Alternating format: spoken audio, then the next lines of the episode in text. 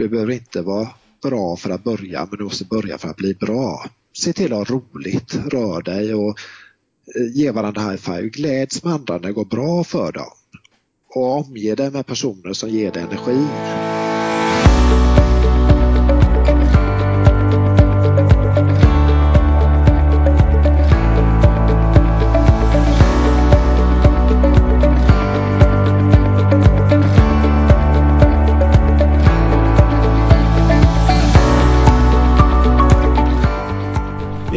Tidigare anställning på Volvo IT hade jag en sidoroll som hälsocoach, vilket innebar att jag under en viss tid av mitt arbete jobbade med friskvårdsfrågor på min enhet.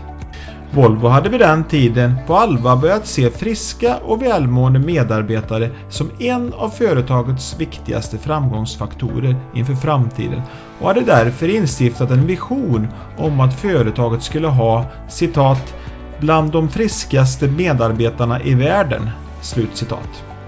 I detta arbete bildades ett nätverk av hälsocoacher inom hela AB Volvo och det var då som företagets friskvårdskoordinator Jan Tern fick Volvoledningens förtroende att vara spindeln i detta nät och driva detta viktiga uppdrag. Jan drev detta arbete framgångsrikt under flera år innan han 2014 bestämde sig för att satsa fullt ut på sitt egna företag Personbästa AB där han numera jobbar med att genom föreläsningar, böcker och event stärka organisationer, lag, företag och individer. Jan har en holistisk syn när det gäller människors välbefinnande och hjälper därför organisationer att bli effektivare genom ett hållbart hälsotänk. Jan har sedan tidigare skrivit åtta böcker inom området för hälsa och välbefinnande. Men nu är han aktuell när han i dagarna har släppt sin första roman, Ordblond. Men det är kanske som föreläsare som Jan har blivit mest uppmärksammad. Jan riktar sig främst till företag och hur de kan nå bättre resultat med friska och välmående medarbetare och Jans föreläsningar inom stresshantering har varit särskilt populära. Möt den sympatiske Jan Tern i mitt 18 avsnitt av Peptalk.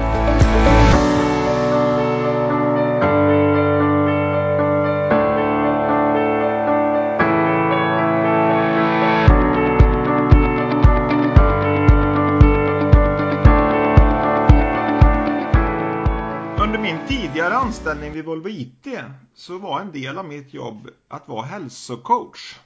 Då ingick jag i ett nätverk inom koncernen AB Volvo och eh, det var då jag kom i kontakt med spindeln i detta nätverk. Den mycket inspirerande Jan Tern. Jag hälsar dig välkommen. Stort tack! Då börjar jag med den frågan som jag brukar. Vem är Jan Tern? Ja, jag brukar säga att jag är en generalist, specialist. Eh, det innebär att jag har många strängar på min lyra men jag ser, jag brinner för det här med hälsa och jag ser att för att du ska ha en bra hälsa, välbefinnande så räcker det inte att man springer milen på under 40 minuter och lyfter 100 kilo eller någonting om inte eh, huvudet är med. Så att jag ser det rätt holistiskt att hälsa, välbefinnande. Ibland så säger jag enkelt så här att du mår bäst om det är någonstans mellan asket och fet. Alltså lite grann att eh, jag tycker inte extremdelar är bra i så mycket utan hitta din väg som får dig att må bra. Och jobbat mycket med, ja, du, du nämnde att vi, vi hade jobbat tillsammans, eh, så jag jobbat mycket med utbildningar tidigare men sen gled det mer och mer in på det här med hälsa. Eh, jag har skrivit åtta böcker nu inom hälsoområdet och och eh, utveckla också träningsutrustning. Det är riktigt, det är riktigt roligt. Just nu håller jag på med två saker och de, de finns inte på marknaden. Jag tror det här kan bli, ah, kanske inte succé, men eh, liksom, de, de kan fylla sin, fylla sin plats. Sen, sen har jag här en stor eh, prototyp i garaget då, som vann en sån draknästetävling på en företagardag. Men den var svår att att gå vidare med. Så att den, står där. Men Frölunda Indians hade den under en säsong och då vann de både SHL och Europa Hockey League då så att ja, ta gärna kontakt med mig så får ni låna prototypen. Ja, ja, jag förstår att det genomgående i det du sysslar med det är välmående för människor då. Eh, ja. Och kanske då speciellt inom företag då. Ja, det, det, är oftast där, där det är företag och ja. organisationer då. Jag, jag brukar säga att jag vill ha både personer och företag att gladprestera som jag tycker är en bra term. För du presterar bättre när du mår bättre och är glad. Inte så att man ska springa in i väggen med ett leende utan nej men, var glad, du låter trevligare mot kunder, din hjärna fungerar faktiskt bättre också när du är i det här glada tillståndet mm. och så vidare. Ja, och det går ju inte att missta att du är från Göteborg här. Är du uppvuxen i Göteborg eller? Ja, eller ska man vara riktigt petig så är det Mölndal, men det, det gränsar ju till Göteborg. Ja. När du växte upp då, var, det, var du en idrottskille eller var det mycket träning och hälsa redan på den tiden? Eller? Nej, men det var, det var mycket idrott, men då, då var det ju egentligen den biten rörelse. Det var inte så mycket hur du tänkte, det var inte så mycket hur du åt och sådär, utan det var ju mer idrott. Eh, sen har jag alltid tyckt det var kul med många olika idrotter, därför blev jag liksom inte riktigt bra på någon utan när jag nått en viss bit så känner jag så att ska jag nu bli bättre så krävs det jättemycket tid. Varför inte börja med någonting nytt som med samma tid så blir jag liksom hyfsat bra. Så därför har jag aldrig nått liksom elit riktigt. Jag har ju sprungit milen under 40 minuter vilket är hyfsat får man ju säga. Men, men liksom jag når hyfsad nivå rätt fort men sen lägger jag inte ner mer tid men det var idrott, men just den här med hälsa och välbefinnande har kommit mer, då jag mer ser helheten, det har kommit mer på senare år. Man blir klokare med åren. Mm. Du började på Volvo då, det är där du har varit under många år eller? Ja, faktum var att när jag började på Volvo så hade min längsta anställning innan dess varit två år per företag. Lite, lite grann samma sak där, när jag tycker jag kan en sak, eller det inte, lär mig inte så mycket mer utan det är same same. Då har jag sökt mig till andra eh, anställningar. Så att eh, när jag började på Volvo så hade jag varit två år som längst på någon anställning och så var jag på Volvo 12 år.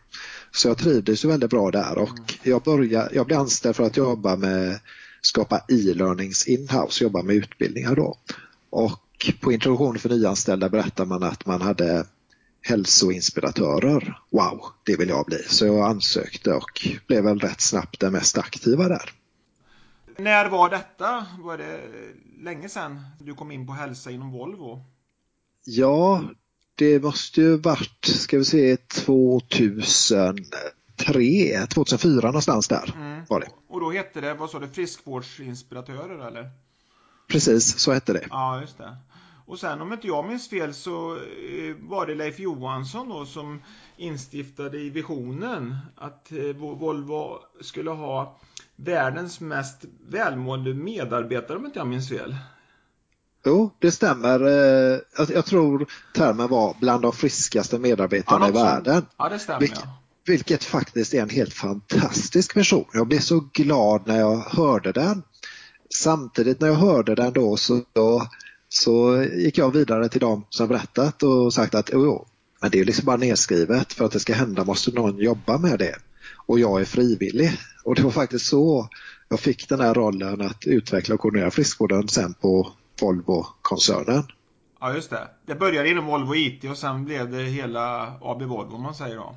Ja, för eh, Volvo IT var väldigt aktiva inom det här med friskvård. Det var väl så att eh, det var Volvo IT och Volvo Aero på den tiden som var mest aktiva. Och jag fick vara med på våra enhetsmöten eh, och berätta om det här. Och sen blev det bara mer och mer. Och det som jag var väldigt glad för det var att när den ekonomiska krisen kom i slutet på 2008 så får jag mejl då från Volvo ITs högsta HR-chef eh, Helena som då säger att ja, vi kommer spara in på allting utom på din friskvård för det är viktigare än någonsin och det, det blir jag så glad att höra.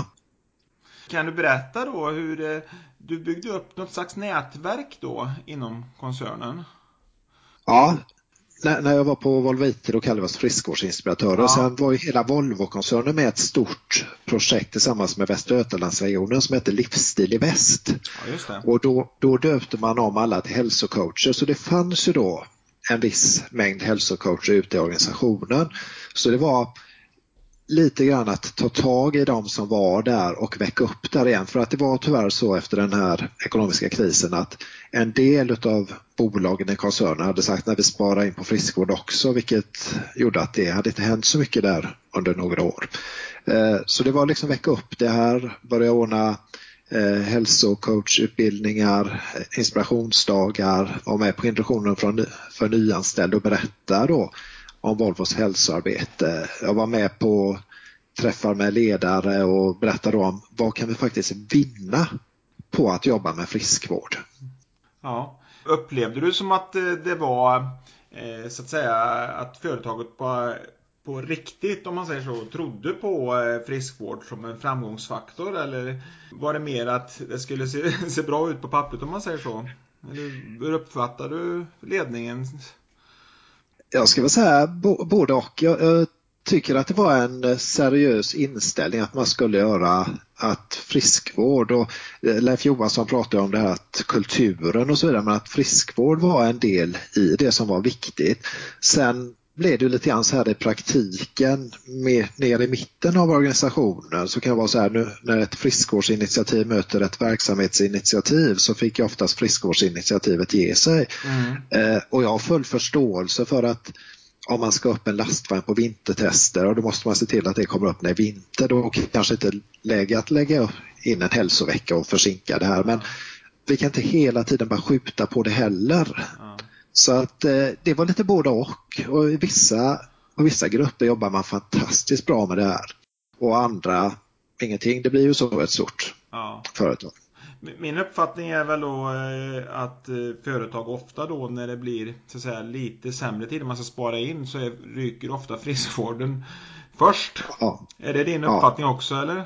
Ja, men där var det ju då som jag sa så roligt när den här krisen kom 2008 att jag ja. fick då det här med från, nu var det Volvo ITs eh, ledningsgrupp jag fick det här ifrån då att mm. vi sparar in på allting utanpå din friskvård. Jag, jag, jag tycker det var så bra för det, man kan också se spara in på det här förmodligen får lägga ut pengarna på sjukfrånvaro, rehab, eh, psykolog, psykologkostnader eller liksom andra saker om folk inte mår bra. Mm. Är det svårt det här att, att inte kunna sätta en, en konkret prislapp så att säga på vad det kostar att inte satsa på det? Jo, men det, det är ju ett av, det är ett av problemen här för att hur mäter vi hur breda är ja. leenden idag? Alltså det, det, är svårt att mäta det. Det går ofta på sjukfrånvaro och det, det är ett värde vi kan mäta. Vi har inga parallellspår, vi har ingen så, så kontrollgrupp som vi kan se som är identisk. En identisk politisk arbetsgrupp och så gör vi insatser på ena och inte på andra. Mm. Men till exempel så är jag med ett hälsonätverk eh, här i Västsverige och eh, ett av de företag som var med, den killen, där han berättat att de har varje år en aktivitetstävling 300 av 900 anmäler sig till Alltså en tredjedel av företagen anmäler sig och tycker att det är kul att röra sig och så vidare. Mm.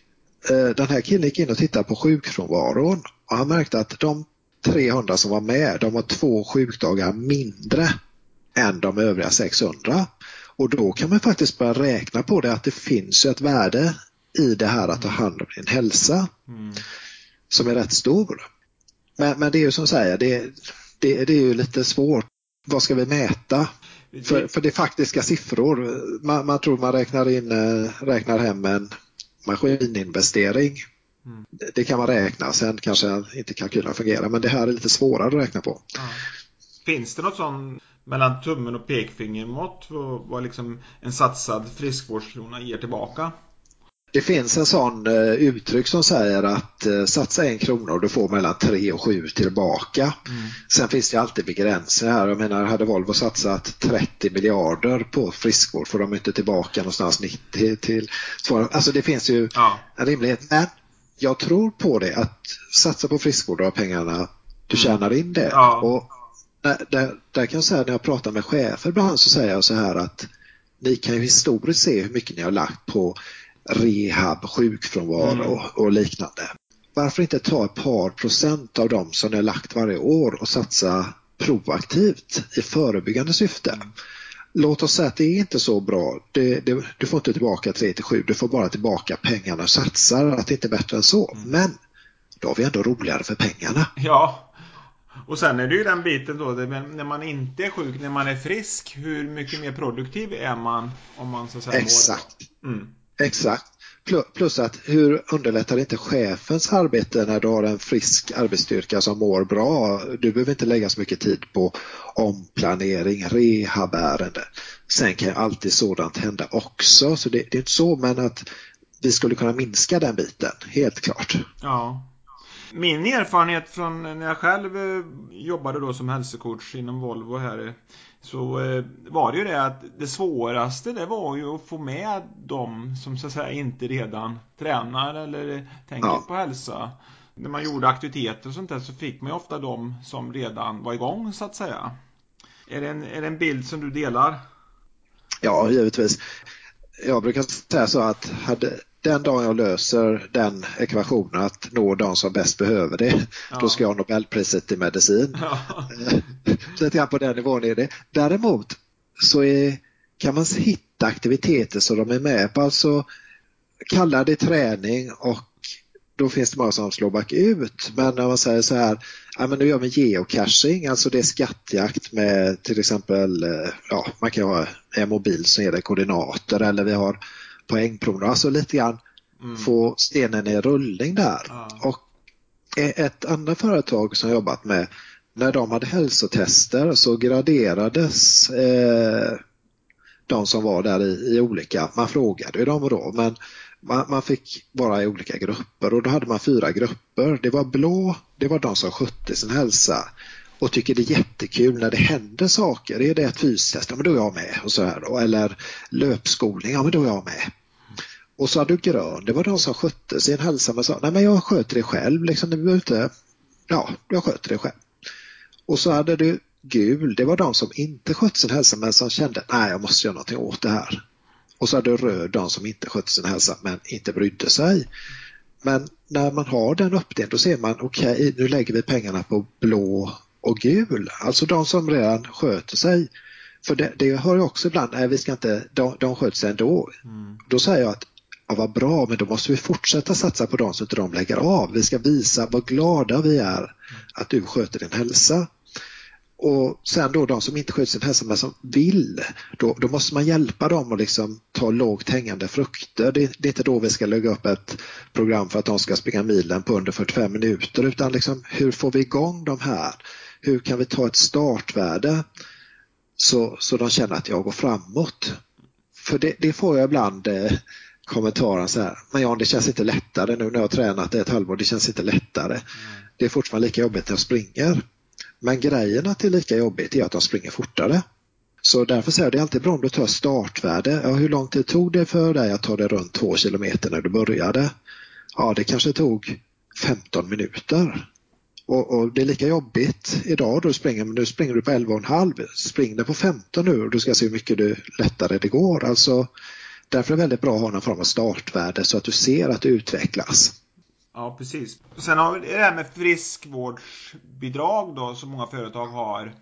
Det vet jag ju på Volvo vi höll på med och jag var faktiskt väldigt förvånad hur, hur få det var som utnyttjade det här bidraget. Är det någonting du känner igen från alla företag du, som du kommer i kontakt med? Det... Ja, större, större företag är nog rätt liknande Volvo. Så här, nu, nu gjorde vi hälsocoacher tillsammans en satsning så vi ökar ju andelen som använder friskvårdsbidraget med 50 procent på ett drygt år. Mm. Eh, jag ska inte säga några siffror men vi ökade alltså det med 50 procent och lite grann var det så att vi kommunicerade att du kan använda ditt friskvårdsbidrag till mer än bara gym och simkort, vilket många mm. tror. Du kan få det för förebyggande naprapati, du kan få det för fotvård så länge det inte är någon som sparlyx, för, för det får du inte vara enligt Skatteverkets regler. Du kan få det för yoga, alltså det är så mycket man kan få det för. Ja. Och när jag höll eh, sån här introduktion för nyanställda på den tiden hade vi 2000 friskvårdsbidrag. Jag vet inte riktigt vad det är idag men då, då sa jag så här, tänk om du ska hålla fram händerna så kommer Volvo och lägger 2000 kronor i händerna på det här, investera i dig själv. Vad, du, vad vill du göra för att må bättre? Det är ju dumt att inte ta de pengarna. Så eh, jag var också förvånad men som sagt vi höjde ändå med 50 procent och eh, det fortsätter väl upp sen hoppas jag, det var när jag ja. slutade Nej. där då. Men vi hade ändå börjat en trend för att göra medvetandegöra mer att det är, det, det är för din egen skull. Och Volvo hjälper dig till och med så att det inte ska behöva kosta så mycket. Mm. Ja, en stor del ligger säkert också i, precis som du säger där, att många tror att friskvård bara handlar om eh, svett och pina så att säga. Eh, ja. Men det är ju så mycket mer då och det tror jag inte folk tänker på då. Jag tänker på det, har du någon uppfattning om hur vi ligger till i Sverige rent generellt när det gäller friskvårdsarbete på arbetsplatser? Där skulle jag nog säga att vi ligger långt framme. För jag, när jag var på Volvo-koncernen så pratade jag då med med folk som varit utomlands. Vad gör man bra i Indien? Vad gör man bra i Brasilien, USA och så vidare. Och så där känner jag att vi ligger långt framme. Mm. Sen tycker jag vi ska ligga ännu längre framme. För jag menar, vi satt en väldigt stor kostnad för alla företag och organisationer. Det är ju en lönekostnad. Och varför inte satsa mer och se till att du får medarbetare som mår bra och därmed presterar bra. Mm. Det, det, förstår jag inte att man inte satsar mer på det. Mm. Det här med betald träningstid som vissa företag har börjat med, är det någonting som du tror kommer? Att man får träna på arbetstid så att säga, man får någon timme i veckan? De som har gjort det, det är Kalmar Vatten har till exempel gjort det och fått väldigt bra effekt. Så att mm. jag, jag, är helt övertygad att du tjänar på det. Då kanske man ska lägga upp det smart så att du har en, en vinst för företaget också. Alltså att man kanske säger ja, vi, vi har ett par aktiviteter, det är de här som är godkända. Vi ser att det sitter så mycket här så då kör man kanske lite så här bålträning men just för baksidan så att man öppnar upp, motverkar den här stillasittande stelheten, stärker upp de muskler som behövs och stretchar de som liksom förkortas under dagen eller att man kanske tar promenader. Eh, så, men vi, vi går ut och går och så kan man kanske nästan ha som en Eh, man kan diskutera någonting sådär som man sällan får tid med. Alltså lite grann att vi, vi rör oss samtidigt. Mm. Då tror jag fler företag har kunnat gjort det.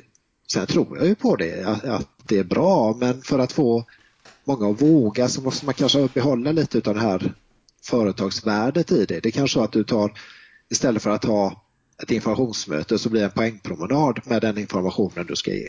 Ja, då, då kan du slå två flugor i en smäll. Ja. Får du höra någon gång att eh, det är inte arbetsgivarens ansvar att personalen var bra utan det är individens egen ansvar? Eller, jag menar det finns ju en diskussion också då hur mycket arbetsgivaren egentligen ska lägga på individerna. Ja.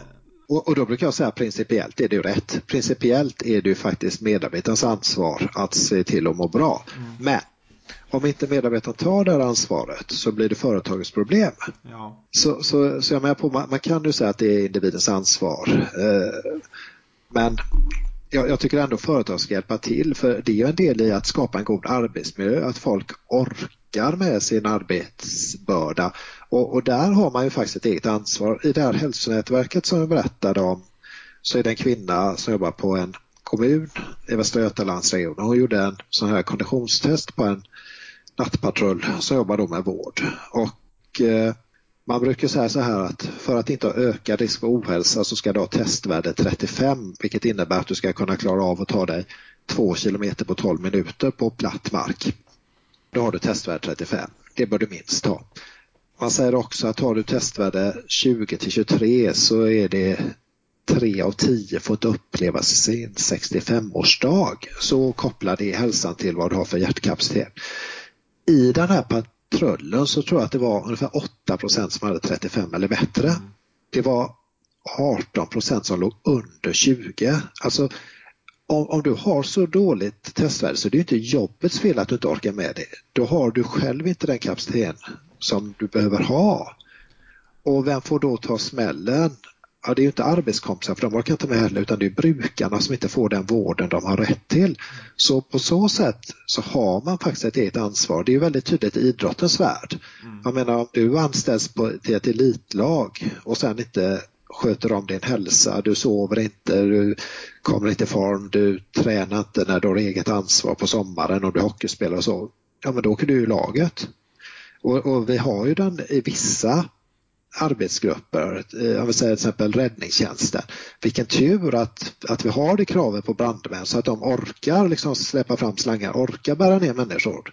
Där, där tycker vi inte det är något konstigt men inom andra så kan man tycka att nej, men det är konstigt, det, det har inte arbetsgivaren med Jo, men till viss del har de det för du är anställd för att klara ett jobb. Jag vet det här, vissa, vissa har svårt när jag säger det men jag, jag, står, jag står för det. Och återigen, jag menar inte att man ska bli en elitidrottare, liksom springa maraton och dagen äta, äta groddar. Det, det, det, är inte dit jag vill utan hälsa välbefinnande mm. och du gör det för din egen skull.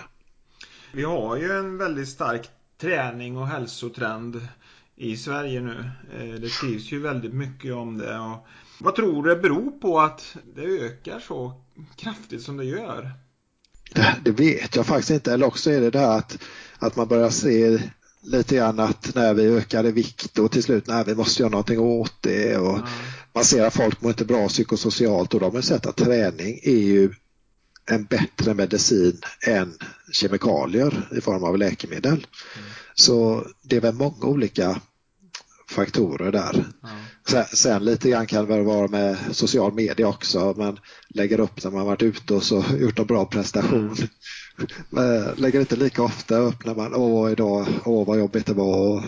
En del gör det men, men det är vanligare och då blir det lite hets där också. Ja. Man nämner ju ofta träning och hälsa i samma andetag så att säga. Ja. Eh, är det hårt förknippat eller tycker du, träning och hälsa? Ja, så länge träningen är hälsosam eh, och där, där tror jag ibland man gör lite en del, en del som inte tränar och säger ja men eh, då blir träning så otroligt mycket om man tänker på elitidrottare men där är det inte hälsosamt. Elitidrottsträning det handlar om prestation först och främst. Det handlar inte om hälsa. Och, och det är väl där jag då försöker vara en liten tolk mellan de som då mm. inte rör sig, inte äter rätt, inte tar hand om sin återhämtning. Att liksom du behöver inte bli så extrem utan Nej. ta ett par steg i rätt riktning och du kommer att märka otroliga skillnader. För det, det vet vi alla när vi till exempel testar en ny övning. Alltså vi, ökar vikterna otroligt snabbt i början när vi börjar springa eller lyfter eller någonting. Vi har otrolig effekt i början när muskelsystem, eh, hjärta, eh, nervsystem och allting bara samverkar. Och det är det jag vill eh, propagera till dem då mm. som inte rör så mycket att ja. kör igång men du behöver inte bli en elitidrottare, det är inte dit. Nej. Det är som du sa, du nämnde sociala medier. Det finns ju en risk med det. Jag tänker framförallt på utseendefixering då. Ja. Eh, magrutor så att säga förknippas med hälsa. Vilket inte alls är samma sak. Så det, det, finns ju problematik i det. det. det. finns ju de som eh, inte säger hälsotrend, de kallar det hälsohets också. Ja. Anser du att det, det finns någon slags hälsohets i det hela också? Det finns definitivt individer som har hälsohets så att säga. Mm. Och samtidigt om man ser liksom hur, hur, vi ser ut nu, gå, gå på en badstrand, då har det inte varit mycket av det i Sverige i år då, men Alltså titta på snitt. Svenska Seberg kanske inte jättehälsosam ut. Det här bag-in-box har gjort att vi har börjat dricka ja. mer. Vi rör oss mindre. Eh, hur ser det ut i trädgårdar nu? Ja, men det är mycket robotgräsklippare som vi inte ska behöva gå. Alltså dörröppnare som vi inte ska behöva röra. Automatväxlar som vi inte ska ens behöva röra armen för växla. Alltså, mm väldigt mycket gör ju att vi inte ska röra oss så mycket och det, det tycker jag är lite fel. Jag brukar säga så här, är det jobbigt för dig, då är det ofta bra för dig. Lite, lite grann så. Ja, folk som tränar för mycket, det, det är försvinnande problem i sammanhanget. Eh, kanske. Ja, ja det, var, det var som eh, en av de här som eh, när jag var på Volvite så tog jag in olika föreläsare och så, så tror jag det var Jonas Kolting någon gång som sa att övervila är ett större problem än överträning ja. i Sverige. Och det ligger ju någonting i det då. Man säger så här, du säger så här, välbefinnande och välmående är det som genomsyrar så att säga, det du håller på med. Ja. Vilka är de viktigaste ingredienserna för ja, allmänt välbefinnande enligt din mening? Ja, här kanske man ska dela upp det då för kroppen ja. och kroppen lite grann. Men om vi säger för knoppen så tror jag var mer nöjd med det du har och värdera det du har. Alltså hur ofta är du glad när du går och tar vatten ur en kran? du är inte glad för det, för det är ju det är naturligt, det är självklart, det är en standard vi har. Men skulle det varit för 200 år sedan du fick bära in vattnet och någon dag så berättar någon att titta här, vi, nu, nu har en fe eller trollkarl kommit in och dragit in vatten här, du bara drar på en kranen och tittar, det kan vara varmt och kallt. Dessutom är det renat vatten, alltså du har ju tyckt det var, du har kommit till himmelriket hade du tyckt. Så lite grann så kan det ibland vara bra att kanske bara återställa det. Du kanske ska vara ute i, i naturen ett dygn och bara ha med dig tre saker. Du, du kommer när du kommer hem uppskatta att ha tak över huvudet, att det finns en toalett, att det finns mat i kylskåpet, att det finns vatten, att det finns värme. L lite grann det här att inte hela tiden rikta blicken mot att vad alla andra har och det vill jag ha, det vill jag ha, för du kommer aldrig bli nöjd på den biten. Så det är väl en sak. Och, och sen att man sätter mål som känner att jag tar mig framåt. Men det jag kan tycka när det gäller mål just är att många sätter, ja men då ska jag vara lycklig när jag kommer fram och så jobbar man en massa och så kommer man fram, ja det känns väl rätt bra men hur länge är jag glad då? Försök hitta små vinster i vardagen så att säga, att ja, men gjorde jag det här. Jag kanske inte gjorde något nytt personbästa men jag var ändå ute och rörde mina ben och hur mycket värderar jag inte mina ben egentligen om någon skulle komma och säga du jag vill köpa dina ben, jag vill såga av dem här och nu för jag samlar på ben. Ja men då hade man sagt att men de är ovärderliga. Jo, jo men då får du sköta dem som de är ovärderliga. Så var nöjd och glad med det du har och, och sen träna och rör dig så att du känner att du har energi till exempel även när du kommer hem från skola eller jobb. För har du inte det då tycker jag nog egentligen att du har för dålig kondition. Du, du kör motorn för hårt under dagen. Sen ska jag då säga att det finns arbetsplatser där, där det är liksom helt fruktansvärt tempo med dålig planering och sådana saker. Men för, för gemene man så, så kan det vara så att är man trött när man, väldigt trött när man kommer hem så borde man nog bättra på sin kondition så att du även kan njuta av livet utanför arbete, skola och så vidare. Är det någonting som diskuteras mycket i kosten? Hur mycket tror du den spelar in för vårt välbefinnande? Jo, det, alltså det, det är ju det här helhetstänket. Eh, man brukar väl säga så att alla celler byts ut under ett år i en kropp.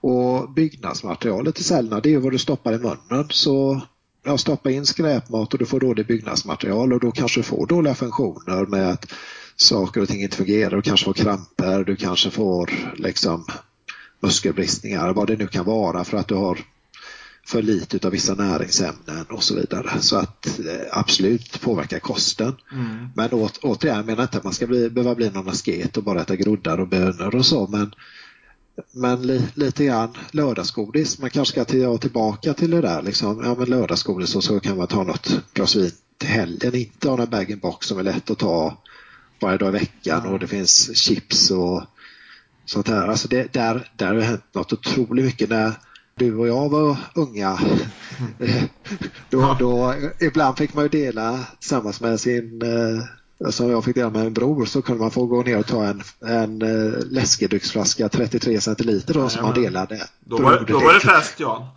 Då var det fest. Jag menar, idag det finns det de som bäddar i sig en och en halv liter per dag. Ja. Alltså det, det är inte hälsosamt. Nej. Fredagsmyskulturen har, har vi fått ja. i Sverige. Ja, och det är väl inte fel om det är fredagsmys, men det, mm. den brukar ju sprida över sig både onsdag, torsdag, fredag, lördag, söndag, måndag. Alltså det är li, lite ja. grann så att här du hållit till en dag. Är det Viktväktarna som säger problemet är inte vad du äter mellan jul och nyår, problemet är vad du äter mellan nyår och jul. Alltså lite, lite grann där i proportioner hur mycket du äter onyttigt kontra nyttigt. Mm. Sen är det ju sömn och återhämtning då, hur ser du på det? Ja, det, det, alltså det är otroligt viktigt. Mm. Vi förstår när våra mobiler är utladdade, och vi måste ladda dem, i alla fall är det katastrof. Så här. Men vi själva då? För eh, en del är så här, när de får mer att göra så sover de mindre. För ja, då ser man sömn och återhämtning som slöseri med tid. Men det är ändå då du bygger upp det, det är då du skapar energi för att ta rätt beslut och så vidare. Det var väl på Pennsylvania eh, State University eller något sånt här som man då gjorde en test. Man lät folk sova sex timmar per dygn istället för åtta och efter en vecka så presterar de likvärdigt med om de har varit vakna 24 timmar i sträck. Och då kan man tänka på hur mycket långsammare det går att arbeta, hur mycket fler felbeslut jag tar och så vidare. Så se inte återhämtning eller sömn som slöseri med tid. Se det som att nu laddar jag batterierna. Och för de som tränar, om man tränar i ett gym till exempel, så vet man ju det här att om jag kör en muskel till den verkligen är helt slut så jag har väldigt lång återhämtningstid. Men om jag kör till den är trött och så vilar jag lite grann så kan jag köra på okej okay igen då. Men när jag väl drar i botten och tömmer batteriet, ja då tar det lång tid att ladda upp igen. Ja, jag tänker på en sak här. Det här med jojo-beteendet som många har. Alltså vi fyller gymmen efter semester och ja. efter nyår. Hur, hur, ser du på det? Hur kan man hitta hållbar hälsa om vi säger så?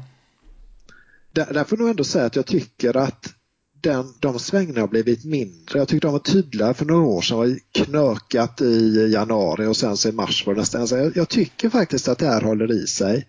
Men nu, även om det fortfarande ser trender efter, efter jul, nyår och sen efter semestrarna lite semesterkilon som ska bort och så. Men det, det enklaste är om man gör det som en del i sin vardag eh, och att man kanske ser det här som en del kanske eh, tänker liksom vardagsträning, att man höjer upp den, att man cyklar till jobbet, att man går ut och promenerar på någon lunch och så vidare, att, att man även får med det här. Och sen får man kanske faktiskt boka in tid. Om du märker att du är en sån här period där, då måste du kanske skaffa någon träningskompis eller också får du boka tid med en PT. Så, nej, okej, när man går inte dit så kostar det ju pengar till ingen nytta. Alltså nästan kan du inte vara motiverad får du väl vara motiverad. Alltså lite, lite, lite så då. Kanske boka in tid i kalendern eh, och att man ser, alltså vad, vad är träning egentligen? Ja, det är ju att du har muskelkontraktioner.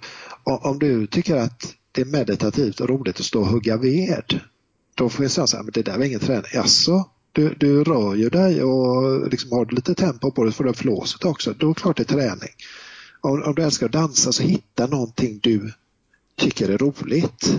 Det, det underlättar ju då. Och träningskompis är bra också.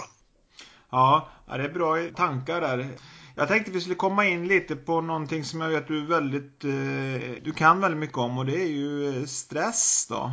Ja. Eh, många upplever ju stress idag. Alltså, man hör ofta, särskilt barnfamiljer då kanske att det är svårt att få ihop, man pratar om livspussel och så vidare och hitta balans i livet. Varför tror du det har blivit så i samhället? Att det är så svårt att få ihop livet?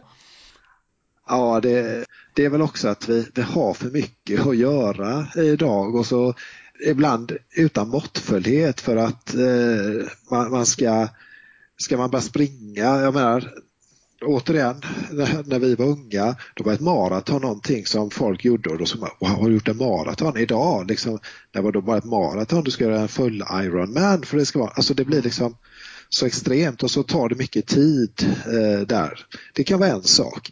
Sen hur använder vi våran tid?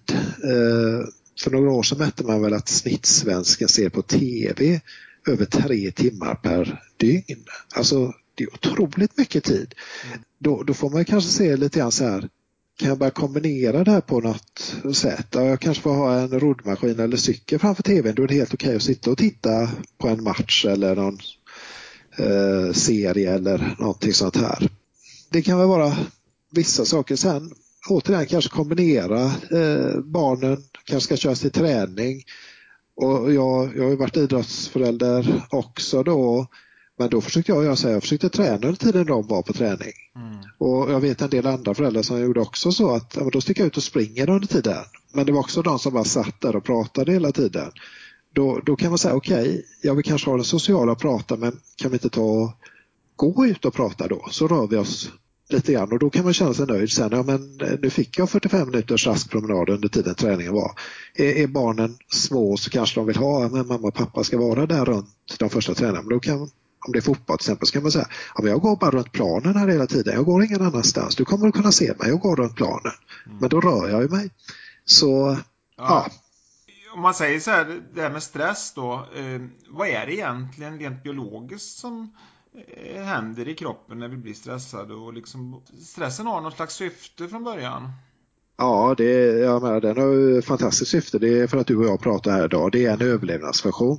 Ja. Den ökar chans till överlevnad mot fysiska faror. Det var därför stress skapades. Inte för att vi skulle självförverkliga oss eller något sånt här utan det var för att öka chansen till överlevnad mot fysiska faror. Och där, vad som händer i oss, det är lite beroende på vad det är för stress du känner. Man, en del säger att jag känner bara positiv stress. Och det finns positiv stress, men det finns ingen långvarig stress som är positiv. Vi måste ge oss tid till återhämtning. Och jag brukar också säga på mina stressföreläsningar, och det är ju den föreläsning jag ger mest av då, mm. att stress är inte farligt. Vi är byggda för att klara stress. Det som är farligt är långvarig stress utan tid till återhämtning. Det är vi dåligt eh, rustade för. Men det är också hur stressad vi är. Man brukar väl säga att den här positiva stressen, enkelt uttryckt kan man säga så här att det är jagar du och känner att du har kontroll på situationen eller känner du jagad att det är liksom tid och resurser och allting som bara jagar dig, du får inte ihop det. Ja, då är mycket av den negativa stressen och då blir du då kopplas många delar av hjärnan mer eller mindre bort. Det blir svårare att komma ihåg saker, du blir mindre empatisk, inte så kreativ och så vidare. Om du känner den här mer som man säger positiva stressen, är inte lika kraftig. Det, det kan jämföras med att du är ute och jagar och du har med dig ett gevär och du ser några vildsvin till exempel på håll. Du känner att åh, jag jagar, jag har kontroll på situationen. Då kommer energi att frisättas. Sinnen kommer att skärpas. Du kommer fortfarande ha tillgång till din fantastiska hjärna. Så, så eh, det, att bara säga stress och dra alla över en kam, det, det är lite för ja. enklat. Det är ungefär som att, att säga att eh, någon har lite man kan ha problem med synen, men det kan gå allt från att man har liksom olika ja, ja. styrka i ögonen till att vara blind. Lite så är det också. Stress är otroligt bredd på. Ja. du, du, du, säger det, kontroll på situationen. Kan det vara så att eh, det är liksom inte hårt arbete och höga krav bara utan det är också att känna att jag har kontroll? Ja, det, det är väldigt stor del i det. Ja. Och det, det, är ju, om man säger i informationssamhället med de jobben vi har så är det kanske inte lika tydligt eh, vad, det, vad som förväntas och så vidare. Nej, men så, så kan det absolut vara. Sen kan det också göra med vad är du för personlighetstyp? Mm. Nu är det inte så att vi är 100% av en, att det är den som inte kan säga nej, det är den högpresterande, det är den med kontrollbehov. Vi är inte 100% av en, men det kan också vara så att det är en del som är väldigt kontroll behov som kan bli stressade utav ja, jag måste ha kontroll och jag måste, ja, men det, det kanske inte funkar, man måste kanske släppa på det lite grann också. Sen är det ju det här som du, du nämnde ju sociala medier och jag vill gärna koppla till det här med uppkoppling då. Alltså ja. vart man än är idag så ser man ju folk titta ner i sina telefoner om man säger så. Hur, tror, ja. hur, tror, hur tror du det påverkar oss? Ja, här får jag säga att eh, det gör jag också då. Så att, eh, men ja. givetvis så påverkar det oss. Sen, sen ibland händer det liksom bra saker med det också. Tänk när det här, och vad var det hette, när man var ute och jagade Pokémon. Pokémon, Pokémon Go ja. Alltså det var helt fantastiskt. Du fick mm. ju miljontals barn som var ute och sprang och letade och rörde sig som tokar. Så att det var inte det här att de har något emot att röra sig utan det tycker du är kul eller inte då. Men, men sociala medier det, det, kan stressa väldigt mycket. Mm. Man säger att så här jämförande stress är en stor stress och då kan det vara också när du tittar på sociala medier då ser du kanske bäst utav de olika. Ah, nej, men nu har de gjort, titta vad fint de har i sin trädgård. Och så har den bakat bröd. Och nu har någon som varit ute och så sprungit två mil. Och så, och så, och så. Så plockar man liksom det bästa av allting. Och vad jag har gjort idag, jag har inte gjort mycket. Nej, men du kan ha gjort en hel del bra saker ändå. Du ska inte ta det bästa av vad alla andra har gjort. Och det kanske inte alltid är så att det är 100% sant allt du ser på Facebook till exempel. Det, det, det finns väl lite skönmålning där. Men är det någonting du skulle rekommendera att koppla ner sig eller lägga ifrån sig telefonen en viss stund på dagen? Eller? Ja, det tycker jag nog. Mm. Sådana andra metoder som avslappning och mindfulness och sånt som finns, är det någonting som du rekommenderar? Ja, jag brukar säga lite grann whatever works fungerar för ja. kör, kör det. Jag får personligen nästan mer avslappning om jag gör, alltså bara gör någonting sån här aktivitet som kan vara rätt meditativa. Om man säger man kanske åker långfärdsskridskor eller bara kajak eller bara går ut och går där, där det är väldigt lugnt och stilla. Jag behöver inte koncentrera mig så mycket på att var jag ska sätta fötterna. Det är en hyfsat fin stig och ett fint område. Det, det ger mig lika mycket avkoppling som någon som kanske håller på med mindfulness. Ja, men, Hitta din grej ja, som, som får dig att må bra. Du håller ju på också med, när du föreläser, målsättningar. Att sätta, sätta mål. Anser du att det är viktigt att ha mål i livet? Nej, behöver det inte vara. Jag kan säga att jag själv jobbar kanske mer med riktningar. Det vill säga att när jag börjar med någonting så är inte målet riktigt klart för mig. Jag är mer nyfiken på att jag ser där borta är någonting som är intressant eller det här skulle jag vilja lära mig mer om och utveckla.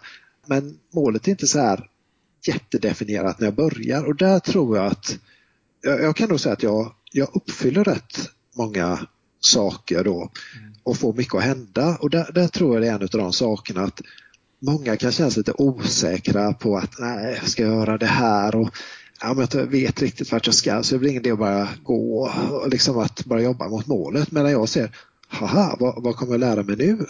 Sen blir det så att ju mer jag har rört mig så kan det bli så att målet blir tydligt eller också blir det att jag kommer fram till att nej det här var inte roligt, det här vill jag inte göra. Ja, men det har jag testat, det har jag lärt mig någonting på vägen.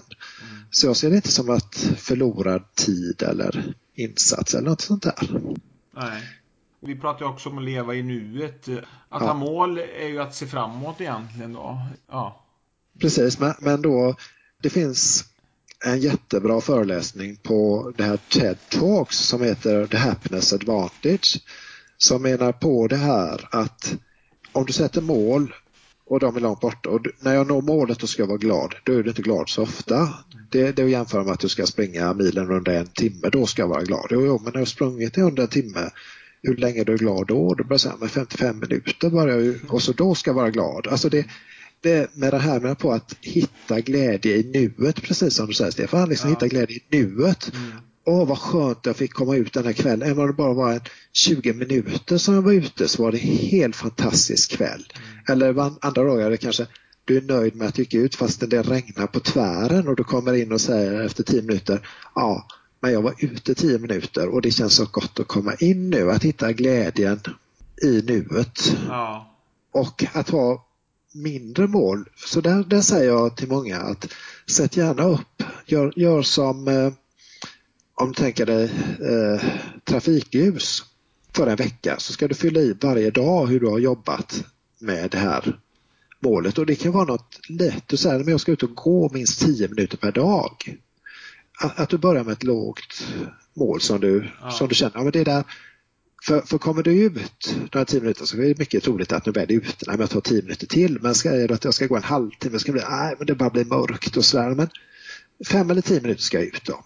Och, och så varje dag du har gjort det här, det du förutsatte dig, då sätter du en grön. Då, då blir det liksom grönt på ljuset. Nå, någon dag så kanske du bara, låt, låt oss säga att du har sagt att du ska ut tio minuter och så var du ute och du, du, du känner att det är för mycket nu och nej, det bara regnar och så, så du var ute fem. Jo, jo, men då är det gult för det var bättre än att du suttit inne hela tiden. Och någon dag så kommer du ut alls, då är det rött. Och så tittar du på det här efter en vecka, då kanske du har tre gröna, två gula och två röda. Och då gäller det att här ha ett mindset som får dig att vilja fortsätta. För en person som är lite negativ tittar då på, ja, det var faktiskt mer gult och rött än vad det var grönt. Eh, medan jag tycker man sitter så här, men vänta nu, det var ju tre gröna, det var två gula, alltså det är mycket bättre. Tidigare så var det faktiskt sju röda på raken, jag rörde mig inte alls. Jag går helt och hållet åt rätt håll så att man känner liksom att man skapar tankar och känslor som får mig att vilja gå vidare. Ja, det är intressant det där med målsättning. Det finns ju de också som tycker att man ska förvänta sig att, att det inte går bra så, säga, så blir man alltid nöjd. ja, inte missnöjd kanske. Eller också, ja, det, men, men där är jag återigen så här, whatever works. Ja, även, precis. även om jag menar, jag kan mer bara säga att ha ett mål som du ser fram emot och känn glädje av det. För den dagen du når det, då kan du ändå ha känt glädje två gånger, ja. liksom vägen fram och när du når det. Ja. Men, men, det är lite olika där. Och det kan ha med livserfarenheter att göra så ja. också. Då. Men det är då, som du säger också, det är lite hur man är lagd och, och så här, och hur man vill sätta upp mål. Eh, du har ett företag, Personbästa AB. Ja. Kan du berätta lite om det företaget? Ja, jag startade det egentligen när jag började skriva fler och fler böcker och jag, jag jobbar ju med då framförallt föreläsningar och workshops och så skriver jag böcker. Och jag brukar kombinera så att böcker följer med när jag kör föreläsningar och workshops. Och jag, jag är ensam i det här företaget och det ger mig också stor frihet att eh, vill jag testa på någonting så, så gör jag det. Som nu håller då på att utveckla de här två, två sakerna inom träningsindustrin. Och, och det är fördelen att ha eget. Sen är ju nackdelen med att ha eget är att ja, gör jag ingenting så kommer det in någon lön och det är inte så, även om jag är då en uppskattad föreläsare och har väldigt bra, när, när man gör sådana här mätningar så får jag väldigt, väldigt bra eh, utvärderingar. Mm. Men, men, det är också så här att det är inte så att jag blir nerringd dagen ända och bara kom till oss, kom till oss, utan det, Ja, förra året hade jag 85 föreläsningar, vilket är bra i den här branschen. Mm. Men det har inte gått av sig själv, men man måste jobba för det. Det är inte att skära guld med täljkniv så. Men, men samtidigt gillar jag liksom det här att jag, jag styr till stor del min tid och framförallt vad jag vill göra. Det är väl det viktigaste. Ja. De här böckerna, hur många böcker var du hade skrivit här? Det är tiotal eller? Ja, åtta åtta böcker är det. Den åttonde boken kommer faktiskt eh, nu då den 20 september och den heter Ordblad. Vilket är en väldigt rolig eh, bok för att eh, jag skrivit sju stycken fackböcker om både stress, kost, allmän träning, mm. mental tuffhet. Ja, det är inom, inom hälsoområdet. Ja, ja, Men, men så kan jag skriva, jag kan ärligt talat säga att den här skrev jag av olika anledningar. En var lite bitterhet också, den här Oblad, för det är en roman. Att, jag, jag, kan nog säga att läser du någon av mina böcker så kommer du få bra tips och idéer och använder du dem så kommer du att må bättre. Och ändå säljer inte de tillnärmelsevis så mycket som en deckarförfattare. Eller ja, alltså äh, pratar Camilla Läckberg och så här. Alltså, det, det är mina lång det är bra. Och, och vad handlar de om? Ja, det är ond, bråd död som du bara kan sätta på rapport och så får hur mycket som helst och då blir jag lite grann så här. Men samtidigt så kan jag då liksom jag kan sitta och vara bitter, ja, det är så mycket deckarförfattare. Eller också gör man någonting åt det. Så jag skrev en feelgood-bok nu och det finns lite insmugna hälsotips, stresstips i det. Alltså det, det är framförallt en feelgood-bok för att du ska läsa, ha roligt. Du kommer förhoppningsvis få ett och annat skratt. Men det finns några sådana tips insmugna också, jag kan inte låta bli. Så, så det blir väldigt kul att se vad den här kommer ge, för det är helt obruten mark ja. för mig. Kan du hinta lite vad den handlar om? Ja, det handlar om Emma då som eh, har dyslexi och eh, man kan väl säga att utifrån sett så ser det ut som att hon har väldigt bra liv och hon lever i Stockholm, jobbar som modell, en fast eh, tjänst som modell för ett företag. Men så, så händer lite saker. Hon, hennes anställning hotas utav en, det kommer in en yngre modell.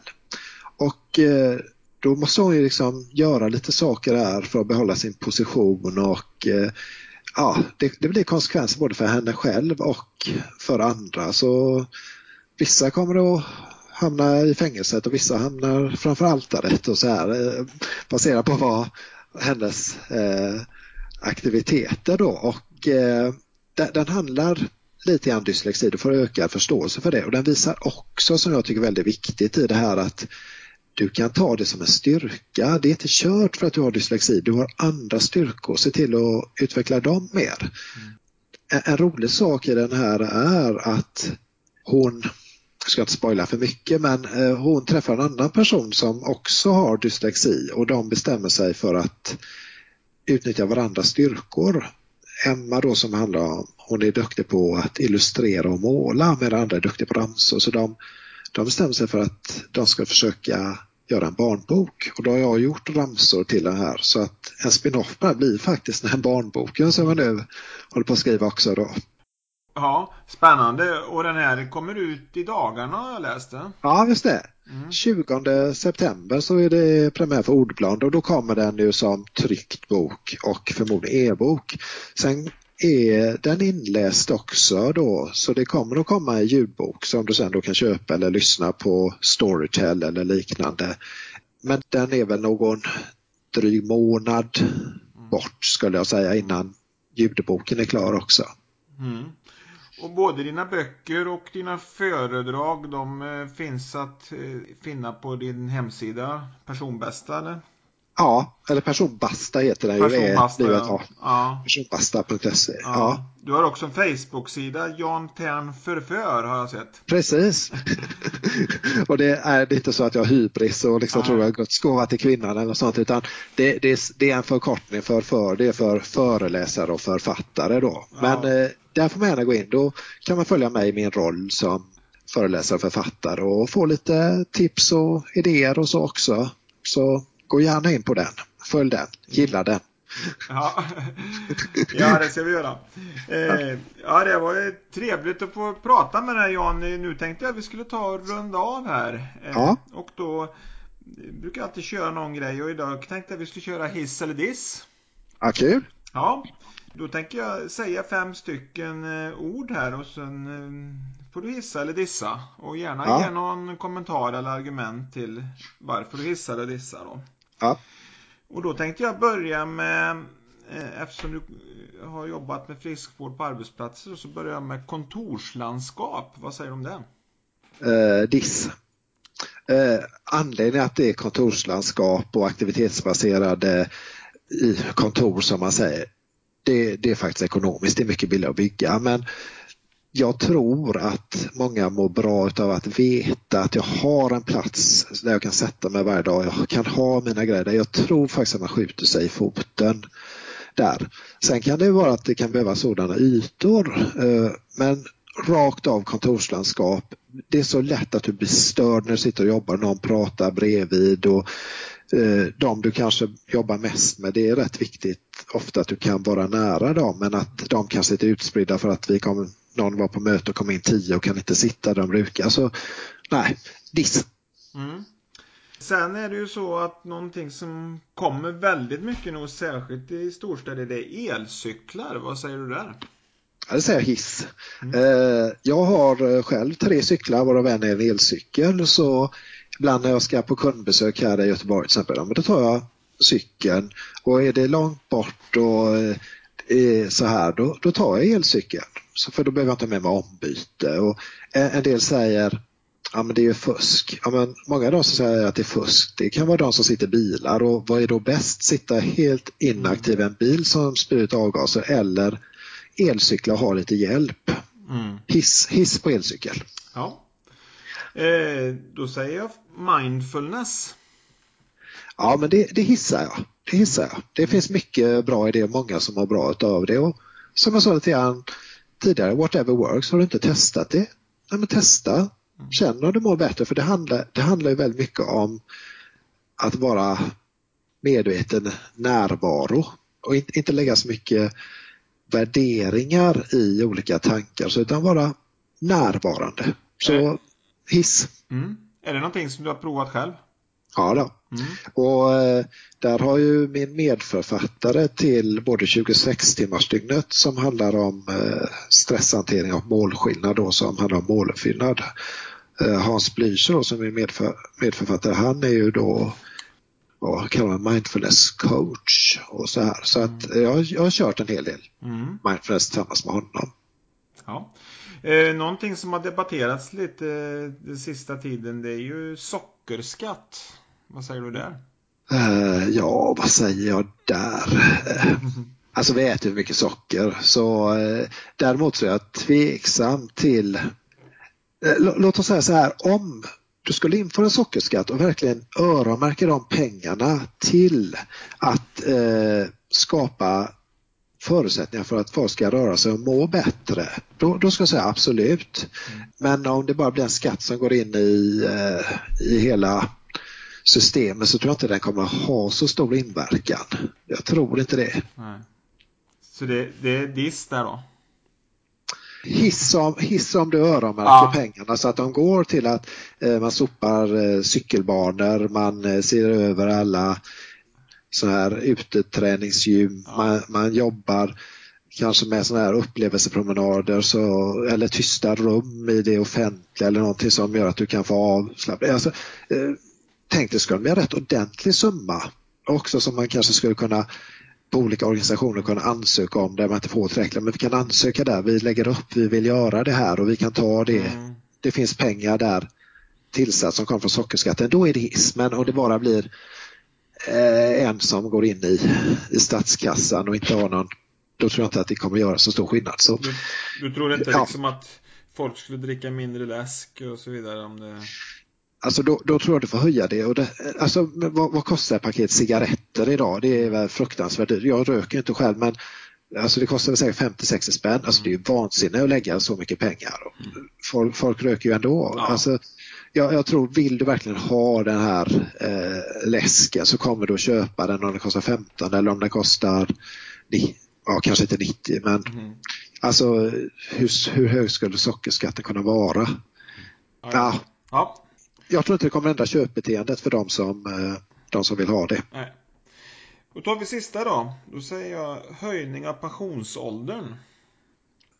Rent ekonomiskt, jag såg någon uträkning, när pensionsåldern tidigare sattes då till vad den var, då var väl snittlevnadslängden om det var 6-7 år efter det du hade gått i pension. Idag lever vi väldigt länge och ska gå i pension tidigare. Alltså det, det blir ekonomiskt ohållbart. Mm. Samtidigt kan man säga så det finns väldigt många ungdomar som inte är i arbete. Om vi nu höjer pensionsåldern och det bara finns samma antal arbeten, ja, vad gör det då? Mm. Att unga går arbetslösa och äldre arbetar, det är heller ingen... Det, det, är en rätt stor fråga men, ja. men jag tror det, det är faktiskt haft samma pensionsålder sedan jag tror det är 1913 eller något sånt där. Ja, ja och då var det bara ett par år och då, då klarar jag systemet av det. Däremot så tror jag kanske att man på något sätt skulle växla ut lite mer att ha någon form kanske av lärlingssystem där det skulle funka att någon yngre går sida vid sida, lär sig eh, något arbete och den då äldre växlar ner och kanske går ner till fyra dagar i veckan, tre dagar i veckan och så vidare. Och kanske då kan jobba lite längre. Och känna sammanhang och det är många som trivs med att jobba även de äldre och tappar det när de går i pension. Det är så olika där. Ja. Men, ja, det blir också så här lite, var det hiss eller diss? Ja, det, eh, det, är okej, ja, okay och, och... Hiss, hiss säger vi då, jag, ja. jag tror det. Men du kanske ska dra ner lite grann så börjar släppa in andra. Ja. Det är bra Jan. Då tänkte jag, ja, eh, bara höra här nu innan vi slutar här om du har någonting som du tycker jag missat eller om du vill skicka med någonting till lyssnarna. Någon... Jag brukar avsluta mina föreläsningar så här med om du inte gör något så händer ingenting. Var inte rädd för att göra saker. Du kommer att lära dig och gå in med rätt inställning. Att jag är ingen världsmästare nu och då får då får man testa. Det finns ett sådant uttryck som säger att du behöver inte vara bra för att börja men du måste börja för att bli bra. Se till att ha roligt, rör dig och eh, ge varandra high five. Gläds med andra när det går bra för dem. Och omge dig med personer som ger dig energi. Eh, för det är otroligt viktigt vilken omgivning det är.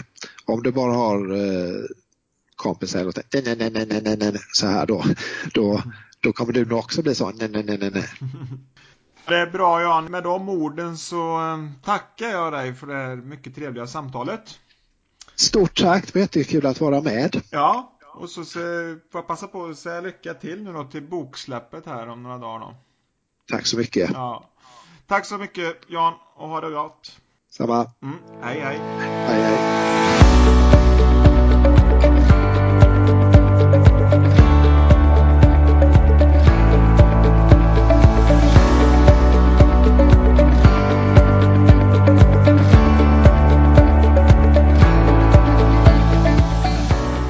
Här poddradion producerades av mig, Stefan Wendt. Genom Bättre med åren vill jag inspirera till en aktiv livsstil för ett längre, friskare och roligare liv. Bättre med åren finns som webbplats på www.battremedaren.se Bättre med åren finns också som Facebook-sida och genom att gilla den sidan kan ni också följa med i allt som händer. Vill du vara med och dela kunskaper, erfarenheter och samtidigt få inspiration av andra så finns också diskussionsgruppen Livslång träning och hälsa på Facebook. Gruppen riktar sig till något mognare målgrupp men det är fritt fram för alla att ansluta sig. Så välkomna att följa Bättre med åren. Ni hänger väl med?